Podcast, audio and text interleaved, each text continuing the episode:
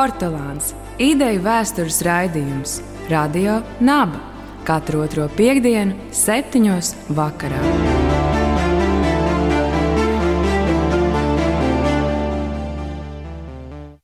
Labu vakar! Ir piekdienas vakars, raidījums Portugāns, Radio Naba. Ar jums studijā Rudolfs Vitoļņš. Mikls Solovejs. Un mūsu šī vakara raidījuma viesis, LU profesors Harijs Tumans. Labdien! Uh, profesoram septembra sākumā, jau pirms diviem mēnešiem, ir iznākusi grāmata, jauns pētījums, monumentāls pētījums, gribētu teikt, uh, Antīkie tēli Rīgas ielās, um, kas ļauj kalpo kā rokas grāmata teju tādam apzinātam un um, erudītam skatījumam uz sienām, kas ir mums apkārt. Un šajā kontekstā, atceroties par jūsu atklā, grāmatas atklāšanu, tur izskanēja no jums uh, apgalvojums, ka uh, uz pilsētas arhitektūru raudzīties kā uz tekstu. Un, nu, avotu kritikas pamati mums māca, ka katram tekstam ir autors, mērķis un auditorija. Un tad uh, tas pirmais jautājums, uh, kas bija jūsu aplūkoto namu, jeb tekstu autori, mērķi un auditorija? Nu, autori, protams, ir divi. Tas ir nama īpašnieks, pasūtītājs un, attiecīgi, arhitekts. Un mēs, diemžēl, nevaram katru reizi precīzi noteikt, eh, kam pieder galvenā ideja. Ir gadījumi, kur varbūt var nojaust, ka tā ir arhitekta iecerē, citos gadījumos varbūt eh, tas bija nama īpašnieks, kurš pasūtīja kādu sižetu, bet man liekas, biežāk tomēr tie bija arhitekti. Nu, kas attiecas uz auditoriju, tad šeit atkal ir eh, nu, divējādi. No vienas puses tas ir veistījums laika biedriem, visiem, kas iet garām un redz. Ja? No otras puses, Uh, nu, tas ir šāds un tā, tas ir veistījums pasaulē. Tipā urbi et orbi, ja? jo bieži vien šie attēli, nu, ne, varbūt ne ļoti bieži, bet šādi un tā atrodas ļoti augstu kaut kur. Tik augstu, ka no zemes ir grūti pat ieraudzīt. Nu, tādos gadījumos jāsaka, tas ir vēstījums mūžībai. Ja? Bet vai tad uh, tad vai jūs piekristu, vai jūs varat komentēt to situāciju, ka varbūt šie ornamentu un tēlu autori nav arhitekti, Un tas, zināmā mērā, vai tas nerada riskus, ka viņi izgaist no. Uh, Vai mēs viņus varam atklāt, ja tas nav bijis arhitekta plānā? Kāda tā situācija ar autorību šiem visiem elementiem? Nu, tā ir ļoti grūti. Jā, tas ir, nu, redziet, tur, principā, nu, protams, arhitekti jau lielākoties pat arī varbūt pat nenosaka precīzi to dekoru formas. Jā, sacītu tādēļ arī, piemēram, Būvaldes arhīvā mēs neatradīsim neko par dekoriem. Tādēļ, ka arhitekts īstenībā taisa projektu māju kopumā. Un arhitekts, kā mēs varam saprast, projekta pareids noteiktās vietās, noteikti noteiktu dekoru. Ja? Un varbūt arī tematiski, bet, cik saprotu, tematiski nebūtu nevienmēr. Tālāk ir tie, kas izpilda šo, no šo, šo projektu, piemēram, tos ciļņus vai skulptūras rada. Un šeit ir tas jautājums, ja? cik lielā mērā šo, šo sižetu nosaka arhitekts, cik lielā mērā nav īpašnieks un cik lielā mērā tas ir nu, tas telnieks, jā, vai tas firmas pārstāvis, kurš izpildīja šo pasūtījumu uz šo dekoru. Jo, cik var saprast, dzīve ir gadījis visādi, gan tā, gan tā, gan tā ir bijis. Mm -hmm. uh, turpinot šo analoģiju ar tekstu, tad uh, nu, katram šādam tekstam, lai kāds tas būtu, ir nepieciešams uh, rezonēt. Un tad kādu efektu un rezonanci šie atkal teksti, jeb nami izsauca to laiku, kad tie tapa. Nu, tas ir kā kuru reizi un kā, kā kurā gadījumā. Ja, un, diemžēl mēs nevienmēr to varam tā precīzi uh, noteikt, skatoties uz, uh, tikai uz fasādi. Uh, kādreiz mēs redzam rezonanses presē. Kaut kur, piemēram, bija preses reakcija par opernām celšanu. Ja, tur, tur ir vairāk raksti. Ja, vai bija preses raksts par tā saucamo fabunām, ko mēs pazīstam kā Beņaminām, Baroniela 12. Ja, vai tāpat ir mākslas mākslas muzejs. Uh, nu, citu, uh, laika biedri, piemēram, to mākslas muzeja eku ļoti kritizē. Viņam liekas, liekas ka pārāk arhaiska un, un nemod, nemoderna, uh, novecojas un tā tālāk. Ja? Uh, bet uh, savukārt ir uh, arī paša arhitekta raksts, kura viņš presē skaidro, uh, ko viņš kādu bija iecerējis, kādus tēlus viņš ir lietojis un tā tālāk. Tā kā, uh, nu, ir, ir dažreiz zināma publikas reakcija. Bet Mēs varam redzēt, ka vienā otrā gadījumā uh, vai nu īpašnieks vai arhitekts arī paredzēja kaut kādu īpašu reakciju, piemēram, uh, smaidu. Nu, man liekas, ka piemēram Brīvības ielās 180, uh, piedod, 136 ko, māju, ko cēla Jānis Alksnis 1906. gadā, tur ir tāda cilnis pašā augšā, nu, te, kur attēlo divi putī, divi mazi zēniņi, viens ļoti drūms lasa grāmatu, un otrs ļoti līksmīgs ar naudas māku, viens otram pretī. Uh, nu, Silvija Gross parāda, ka ir prototyps vācu telniecība, ka īstenībā tā ideja nāk no Vācijas, bet jebkurā gadījumā tad šeit tika pasūtīta kopija, šeit šie divi tēli novietot, un te nevar neizsaukt smaidu. Uh, vai tāpat, piemēram, arī uh, Brīvības iela 129. Tātad tur 1910. gada būvēta ēka, kur mēs redzam arī tādus interesantus ciļņus, kur sēž vīrietis un sieviete uz, uz lauvas, un uz blakus ir vīna muca, un sieviete dzer un liksmojās, un blakus sēž puti ar zīzli, kas kaut ko viņa saka, un savukārt otrajā pusē vīrietis, kurš lej vīnu, acīm redzot, vīna muca, un blakus viņam ir piedzeries putīs. Tā arī acīm redzams smaids.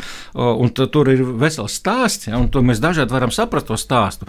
Un es to grāmatu aprakstu, kā to var saprast, bet jebkurā gadījumā pilnīgi skaidrs, ka jā, mēs apstājamies, pacēlam galu, paskatāmies, nu, mēs, ja mēs saprotam un ieraugām, tad mēs redzam, šeit ir humora, kaut kāda ironija, kaut kāda alegorija, un acīm redzot jau, ka, nu, namīpašnieks jau paredzēja tādu reakciju. Ja. Ka tas bija tā paredzēts. Un jūs pētījums ir ļoti plašs, bet vai jūs varat precizēt, eh, kurš Rīgas rajons un arī chronoloģiski, kuri gadsimti un laika posms jūs visvairāk interesēja? Nu, man, man nebija tāds uzstādījums speciāli koncentrēties uz kaut kādu uh, laiku vai rajonu. Es tā priekš sevis nozīmē robežu Rīgas vēsturiskās centrs, nu, attiecīgi pārdaugu neiekļaujot. Ja? Bet, nu, tātad vēsturiskās centrs ir no Daugavas un faktiski līdz Vefa kultūras pīlī, apmēram, sanāca. Ja? Tur arī ir tie attēli. Man interesē paši attēli, bet kuram stilam, kuram laikam tie pieder, man tas nebija svarīgi. Nu, protams, tālāk, kad es iedziļinājos, kad sāk pētīt, es tā ieraudzīju, ka, nu, protams, ka te ir Tas ir visvairāk eklektisms, proti, 19. gadsimta beigās, un jūgenstils, jā, proti, 20. 20. gadsimta sākums. Nu, tur, nu, tur visvairāk bija eksperimentu un visvairāk interesantu tēlu. Uh, un, un, attiecīgi, tas ir tiešām vēsturiskais centrs. Nu, ļoti interesants, protams, ir uh, mūsu slavenais jūgenstila uh, rajons, Alberta iela, Strelnieka iela, jā, tur, kur tie slavenie Eizenšteina projekti, ar tiem bija grūtāk noņemties. Nu, tur bija ļoti grūti atšifrēt, jā, tas tāds jūgenstils vispār vispār, kas ir jugendstils? Principā tas ir klasicismā noliegums. Ja?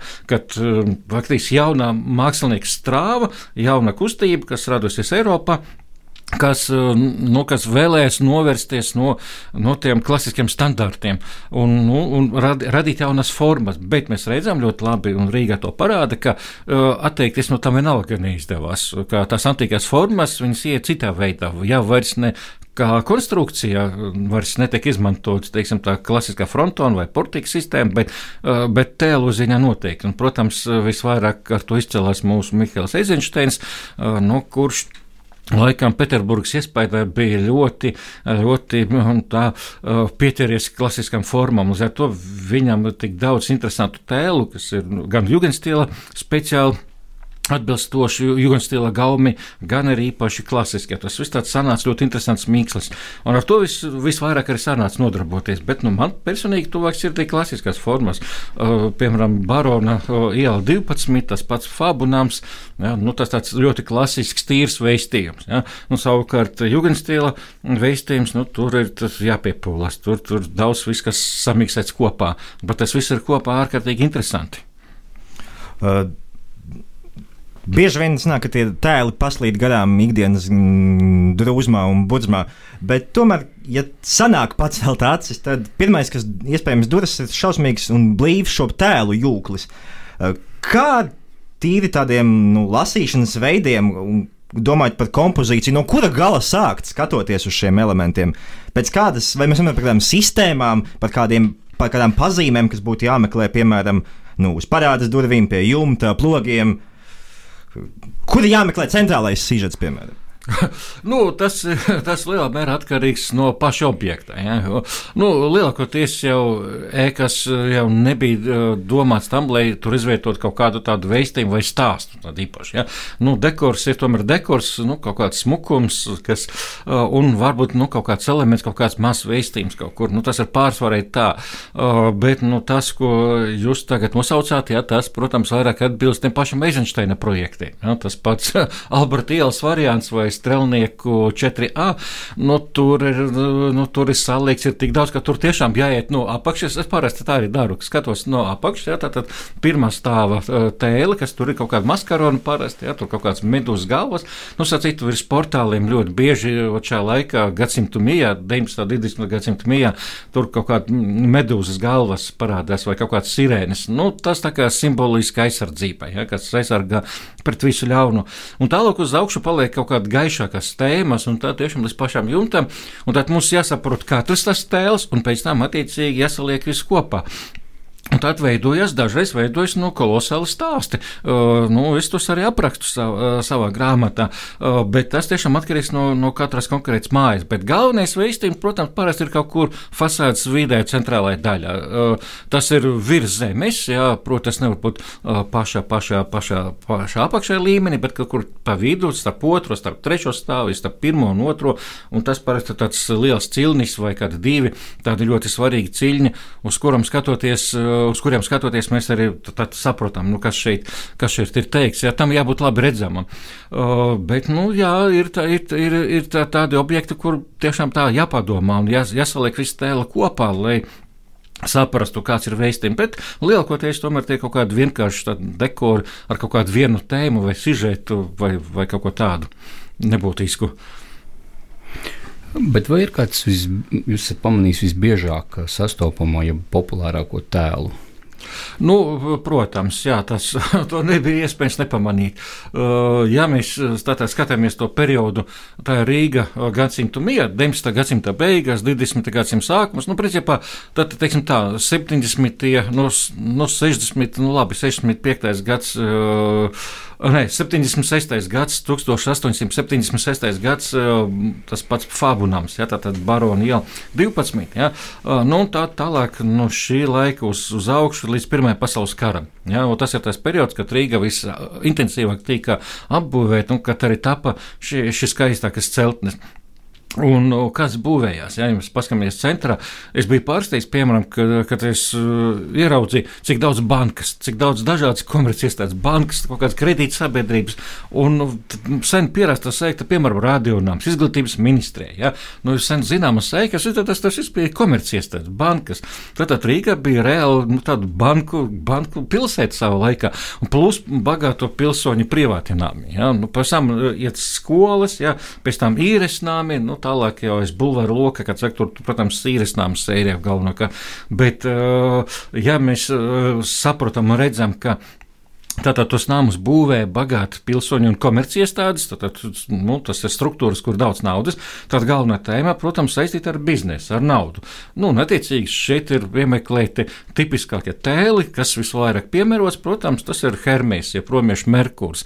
Nu, to arī visbiežāk reic ar savu zizli, kaduceju.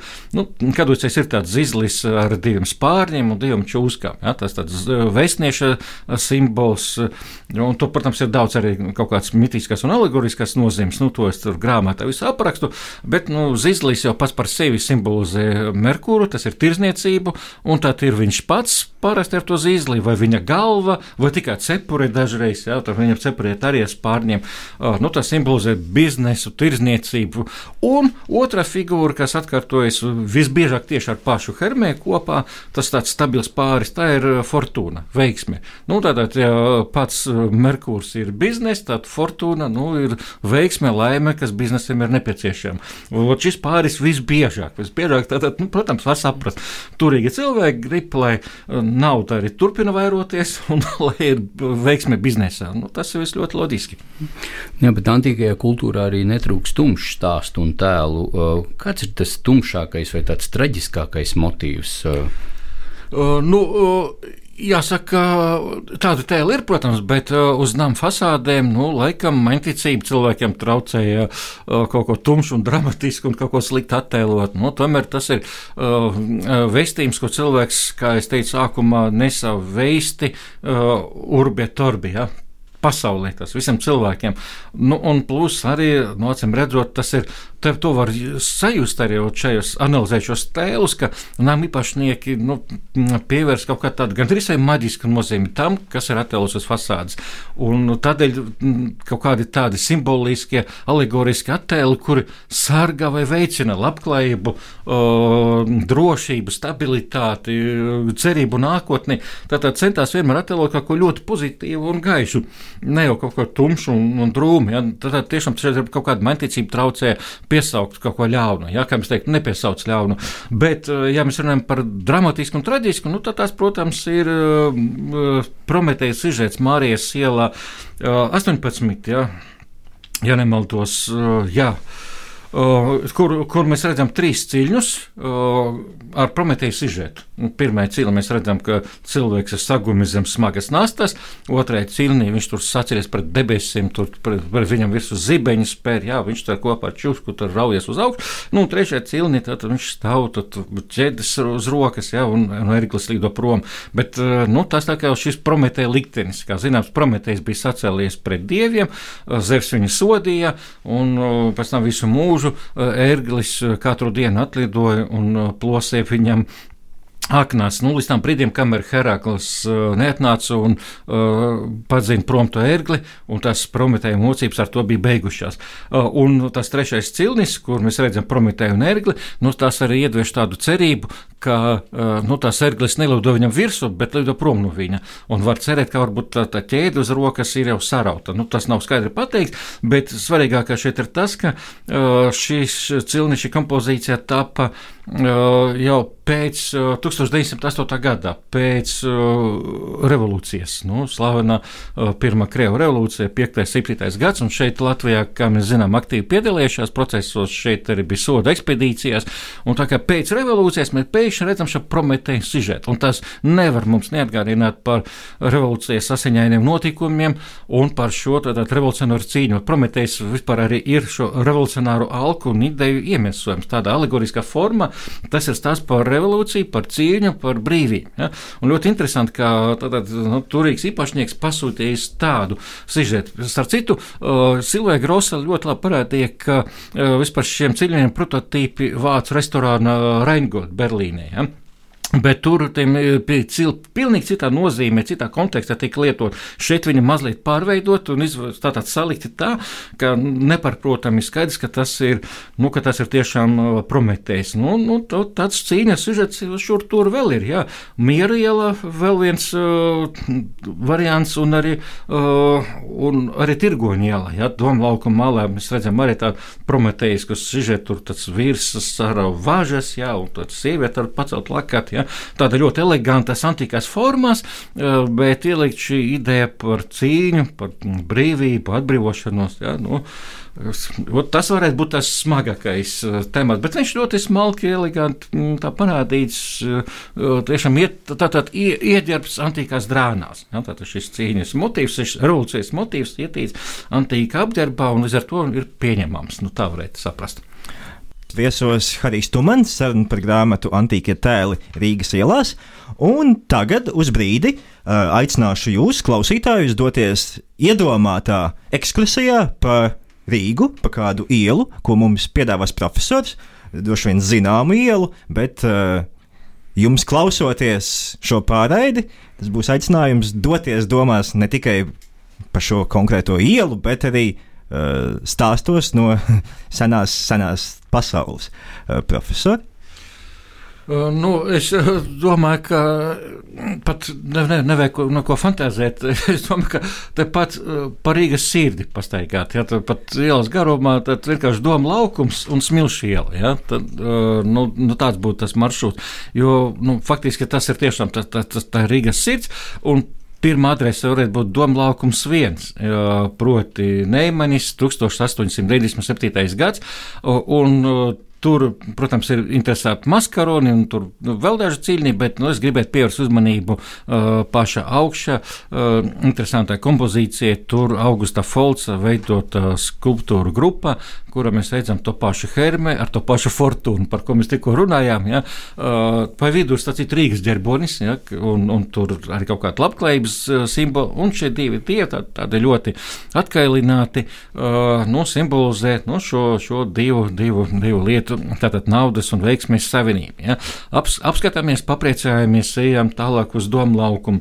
Un šeit pa kreiso roku mēs uzreiz redzam tādu sarkanu ķieģeļu ēku, pils iela 23, nu, bijusi bankas ēka, paceļam aus acīs augšā un redzam tur interesants ciļņus, hermejs Hermē galva un grifi. Grifi, kas sarga bagātīgi mistiskie, tātad mītiskie un mistiskie dzīvnieki, tad hibrīd dzīvnieki, kuri sarga bagātību. Nu, antīkā mitoloģija tāda viņiem bija nozīme.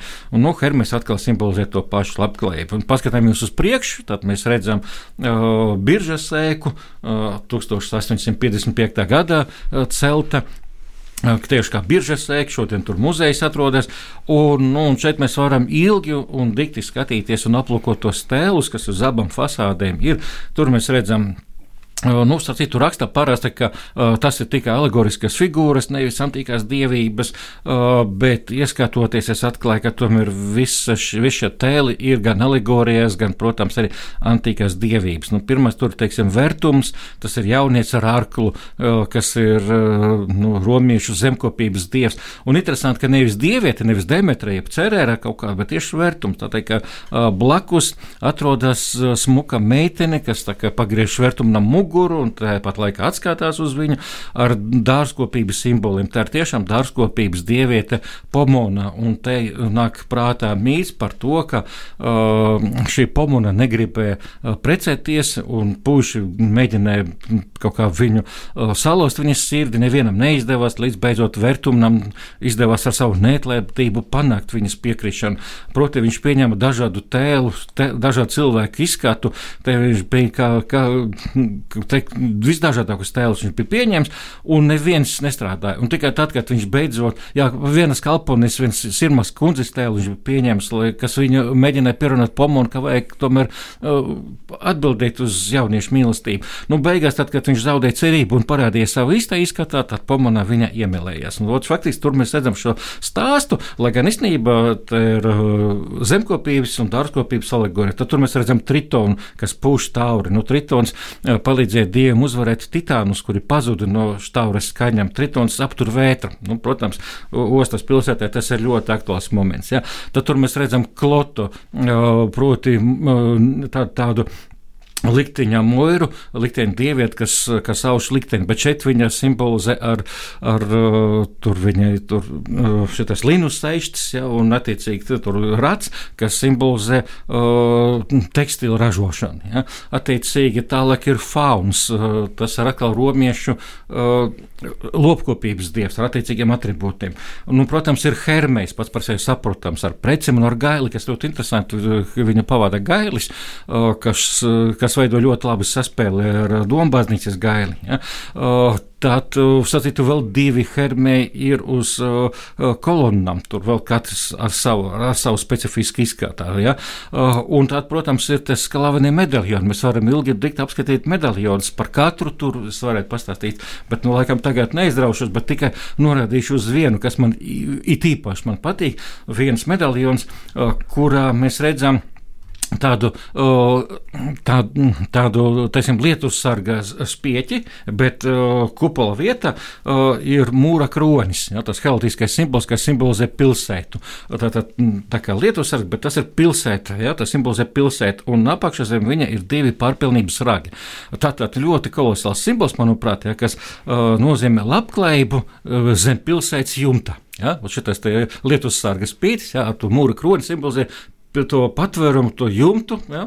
Kā mēs šodien lietojam šo vārdu jumtu, to lietu sargu, ko rāda pilsētā biznesam, un attiecīgi veido labklājību. Manuprāt, tas ir kolosāls tēls. Un atkal, ja mēs paskatāmies pa labi, tad mēs uh, redzam uh, domu laukumu astoņu, tad radionāmu, kur mēs atkal redzam skaistas folsas skulptūras. Tur atkal ir tas pats Hermējs Un tā pati fortūna, bet šajā gadījumā jau pilnīgi kaili. Pa vidu starp viņiem ir Rīgas ģerbonis un putī, un, protams, labklājības simboli, pārpilnības ragi, no kuriem gāžas visādi labumi. Uh, nu, atkal bankas ēkas, no citu, jā, tad blakus, redziet, tāds komerci iestādes pašā centrā, uh, un atkal labklājības simboli. Bet, ar citu interesanta detaļa, uh, ka, ja pie hermē kājiem ir renkurs, Tad uh, Fortuna ar vienu roku tur āmuru, kas stāv tad, nu, tādu rīktīgu tādu veseli, kas stāv uz smēdes. Ja, tas simbolizē ražošanu, un arī zobrāts aiz viņas stāv. Tātad tas ražošana un tirzniecība, divi tādi kolosāli simboli. Un tālāk, ja mēs ejam pa smilšu ielu taisni, tad nu, tad, no Doma laukam uz priekšu, uz, uz pulvertorņa virzienā, tad pa kreisi mēs redzēsim smilšu iela divi ļoti skaistu cilni, kuru es interpretēju kā Ādama un Ievas attēlu, bet pēc tam tādu ļoti ezoterisku. Ja, tur pa vidu starp viņiem ir dzīvības koks, kuru var interpretēt kā gudrības koku, jo tur pašā vidu lapotnī uh, iekomponēt brīvmūrnieku zīmes, tad, tad, tristūra lineāls un cirkuls. Un tam visam tāda ļoti interesanta nozīme. Tur var redzēt, sasteigt ar kabalu, protams, ar bībeles tekstu. Ja? Nu, Tātad, tu, tu to lasiet grāmatā, to īsti nevar izstāstīt. Tur jāstāv minūtes, piecas, desmit uz vietas, un tos varētu visu izstāstīt. Ja? Un tālāk, ejot pa smilšielu, uh, aizējām līdz numuram astoņi, nu, tur atkal skaista eka, ko būvēs šēls, uh, un uh, tas ir samas Bobrova nams. Arī ļoti interesants stāsts, ka Ilija Bobrovs bija Krievu zemnieks no Tambos gubernijas, kurš izmūka no savu tēvu, aizbraucu uz Rīgu. Šeit viņš uh, palīdzēja, strādāja par palīgu vienam tirgotājam, pats uztaisīja biznesu un iedomājieties, viņš Vācijas kā Rīgā uztelot tādu māju un pats ieņem kaut kādas arī uh, domē, kaut kādu amatu. Un, nu, nu, par godu tam viņš uzcēla tādu skaistu ēku, kur mēs uz fasādes redzam uh, nu, ļoti skaistas nimfas, nu, tādas karietītas meitenes. Nu, viņas varēja simbolizēt nimfas ar, ar citu, ar tādu, uh, uz, tādu uzvaru simbolizējušu vainagu, ko viņas tur rokā. Ļoti skaista skulptūra. Arī maskarons, tas ir pirmais stāvā, atbilstoši Jugendstila gaumī, arī ļoti interesanti. Vēl ejot tālāk, mēs redzam uz uh, Smilšiela 14 latiņu uzraktu salve. Tas ir sveiciens, tātad esi, esi vesels, esi sveiks. Ja? Savukārt Smilšiela 3 labē pusē mēs spējam garam vēl vienai bankas sēkai. Tad milzīga bankas sēka, tu, tu uzstelta 1910. gadā, tā saucamā Ziemeļbanka būvē, un šeit mēs redzam div, divus tādus ciļņus terminus, nu, uz kuriem divas alegorijas. Viena gadījumā kundzes austrumu terpos, kas simbolizē tirzniecību ar Āziju, un tur ir tāda preču pakaļ, acīm redzot, koloniālas preces no Āzijas, un otrs pāris, atkal cilnis ar divām figūrām, tur vīrietis un sieviete, nu, te ir mūsie, pēc apģērba viņas var atpazīt kā vieteka latviešus, un viņam ir rokas vārpas un, un dārzeņi, tātad tas ir mūsu preces, tātad tirzniecība ar Āziju, ja? nu, tāds arī alegoriskais stāsts. Nu, beidzot, Tad mēs aizējām līdz galam un uh, redzam Vaļņiela divi uh, izglītības ministrijas sēku, un tur uh, skaisti divi tādi, tādi specifiski ciļņi, nu, kuri attēlo to pašu Moiru klotu, likteņu dievieti. Ja? Un asklēpīja veselības, ilgadības dievu. Tātad arī ļoti labs. Un arī tā ir komercēka, arī tā ir bijusi banka. Un tātad šeit arī tāds veistījums. Un tas, ja jūs atceraties, tas ir tieši pie durvīm pa labi no ieejas. Ja, tieši šie divi skaisti ciļi, un tas nozīmē, ka tas ir novēlējums visiem pēc ilgadības un veselības. Ja? Tad, un tad, un tā, ir, tā institūcija saucās sākotnēji sastarpējas palīdzības kaut kāda kredītbiedrības, tagad precīzi neceros, bet var sakot, tas ir tad, kad ir kaut kādas finansiālas grūtības, kas šeit un šeit tad tu vari paņemt tādu, tādu labvēlīgu kredītu, jā, tāda doma. Nu, un šeit tad, attiecīgi tādi attēli, kas simbolizē gan tavu individuālo labklājību, veselību, gan biznesa ilgadību un veselību. Un sakot, šajā īsajā posmā mēs redzam ļoti daudz interesantu objektu, un pie katra mēs varētu pastāvēt un būt par, par katru, ko īpaši vēl parunāt. Nu, paldies par šo blīvu audio gidu tēlojumu. Uh, bet uh, tagad arī iezīmēs diezgan labi tas uh, tematiskais lokus, bet, uh, ko atspoguļo šie elementi. Bet jautājums, uh, cik brīvi savā antīko tēlu atveidē un sižetu interpretācijā bija šie šo mm, elementu autori? cik var saprast, ļoti brīvi. Un, jo tālāk, jo brīvāk. Nu, vēl eklektisma laikmetā, tātad vēl 19. gadsimta vidu, otrai puse vairāk vai mazāk pieturējās pie kaut kādiem klasicisma kanoniem, nu tad jau uz gadsimta beigām, un īpaši jau pašās beigās, kad jau sākas jugendstils, nu, tur, jau, tur jau sākas tāda absolūti radoša brīvība, kur tika kombinēti visdažādākie tēli no skandināvu mitoloģijas, no ģermāņu mitoloģijas, tur telnieku radoša fantāzija spēlēja milzīgu lomu, un tur, vis, tur tika kombinēti visdažādākie tēli, tāpat, piemēram, Strelnieka iela 4A, Eizensteina projekta, kur mēs redzam tas lidojošas dāmas, ja, kuras ašgarni bieži vien tiek sauktas par valkīrām, ja, bet īstenībā tas ir sirēnas, jo tam prototyps, starp citu, ir Peterburgā. Ļoti, ļoti skaidri redzams prototyps, ja tādas pašas lidojošas dāmas, kas saugušas ar kuģi, ja, tur kuģi purgaliem. Uh, un, nu, tas ir, acīm redzams, sirēnas. Nu, tur tas Zingera nams, ja, kur uzcēl sacīt slavena firma Zingera. Uh, nu, mums savukārt var redzēt, ka Eizensteins, nu, kaut ko tā, tā pasūtīja kaut kā tādu variāciju par tēmu, un tur, protams, arī citi interesantu tēlu. Nu, tad, tādu precīzu tēlu nav ne antīkā mitoloģija, ne kaut kur citur. Bet, attiecīgi, mēs redzam, ka nu, šeit tiek brīvi kombinēt šie tēli. Un šur un tur var redzēt to tiešā laikā, gadsimta mīja un 20. gadsimta nu, pirmā, teiksim, nu, šajā ceturknī, ja, nu, līdz Pirmajai pasaules karam, nu, mēs redzam tiešām ļoti, ļoti ekstravagantu dažreiz eh, fantāzijas lidojumu. Tas ir ārkārtīgi interesanti, kā, kā transformējas šie antikie tēli, iegūstot jaunas formas un kombinējoties ar citām formām, no citām kultūrām un citiem laikiem. Jā, jo arī grāmatu kādu mēnesi jau es eh, pārlapoju, un es viņu lasu ļoti lēnām pa lapai. Un uh, varētu arī ieteikt uh, klausītājiem noteikti šo grāmatu iegādāties, jo patiešām tur ir ļoti, ļoti blīvs un ļoti interesants materiāls. Un, uh, kādu vakaru, varbūt nezinu, nesteidzīgā novembra vakarā iziet ārā, kaut vai noiet vienu posmu stabilā vai ģertrūdas ielā ja, ar to informāciju, ko šī grāmata dod. Un tiešām var teikt, ka pilsēta ir kā grāmata, ko mēs lasām. Un uh, es dzirdu, jūs sakat, uh, Rīga ir tirzniecības pilsēta. Šajā laika periodā mēs to redzam. Uh, otrs, mēs redzam, ir arī tādi interesanti reliģiski, mitoloģiski motīvi. Tur ir mm, kabala, iezīmējās brīvmūrniecība, tad arī kādi kristietības elementi.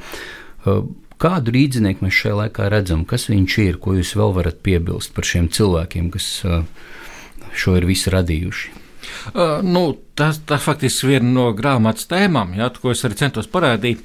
Es vienmēr centos parādīt uh, nu, teiksim, šo arhitektūru kontekstā ar laikmetu un laikmeta garu, tā, ja, ar, to, ar tā laika mentalitāti. Jo, protams, tas no vienas puses, uh, ja mēs ņemsim tādu publiski izstādīta māksla, mēs saprotam, ka no vienas puses šī māksla atspoguļo eh, jau esošo cilvēku mentalitāti, kaut kādu kultūras līmeni, kaut kādu stadiju, un otras puses tā arī veido un ietekmē. Ja? Tad šeit tas ir tāds apusējs process, un nu, es esmu pieminējis, teiksim, tas eh, cīņas tēma, ja? no acīm redzot, ir cīņa tieši pret, eh, pret monarhiju, pret, un, un par kaut kādām pilsoniskām brīvībām, kas tā laikā bija, ja? tas, tas ir viens moments, ja?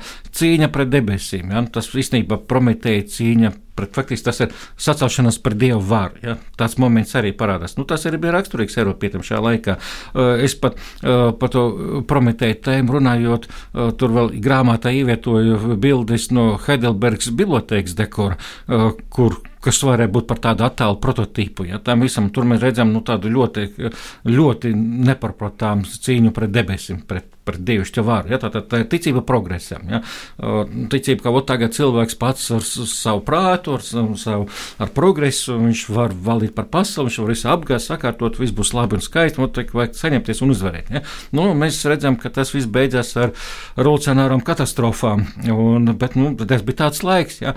Tāpat, teiksim, viens tāds laikmetam raksturīgi iezīme pie pašā gadsimta sākumā, 19. gadsimta beigās, 20. gadsimta sākumā, proti cerība un optimismu, kas saistīta ar to pašu progresu ideoloģiju. Ja? Tad, kas to arī var labi redzēt, es vienmēr atkārtoju, centos parādīt šo ideoloģisko kontekstu, atrodu paralēlus literatūrā, tā laika kultūrā.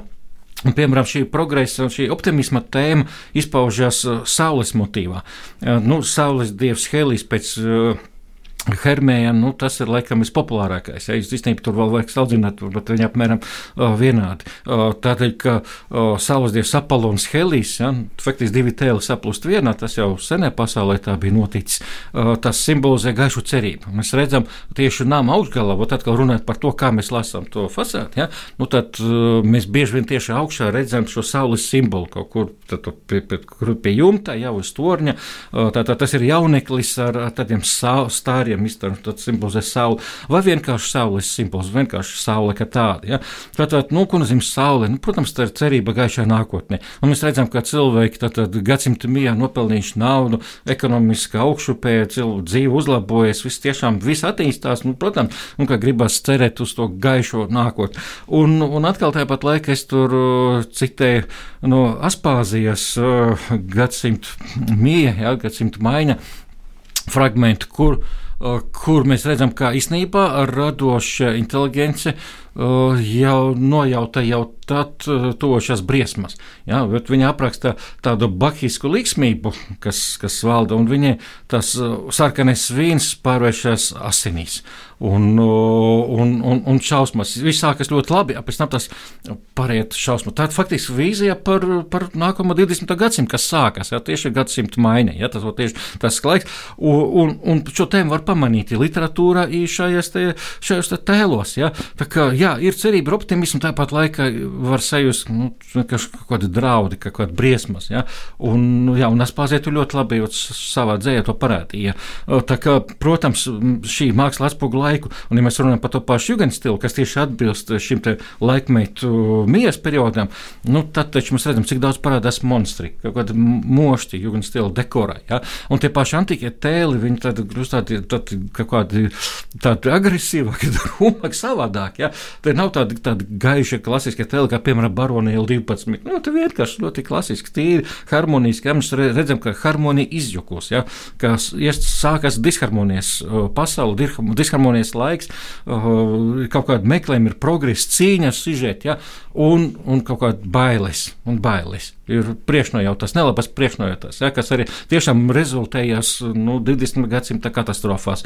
To visu mēs varam salasīt tajā laikā literatūra, kultūra un tā skaitā arī arhitektūra. Arī šajos tēlos to labi var salasīt. Jā, paldies jums! Jūs tiešām atvērāt mums ļoti daudz durvis, kurās mums ir jāiet, lasot šo grāmatu. Jā, tā tad liels paldies profesoram par izsmeļošo stāstījumu. Raidījums Portugāns pie jums atgriežas pēc divām nedēļām, un lai skan mūzika.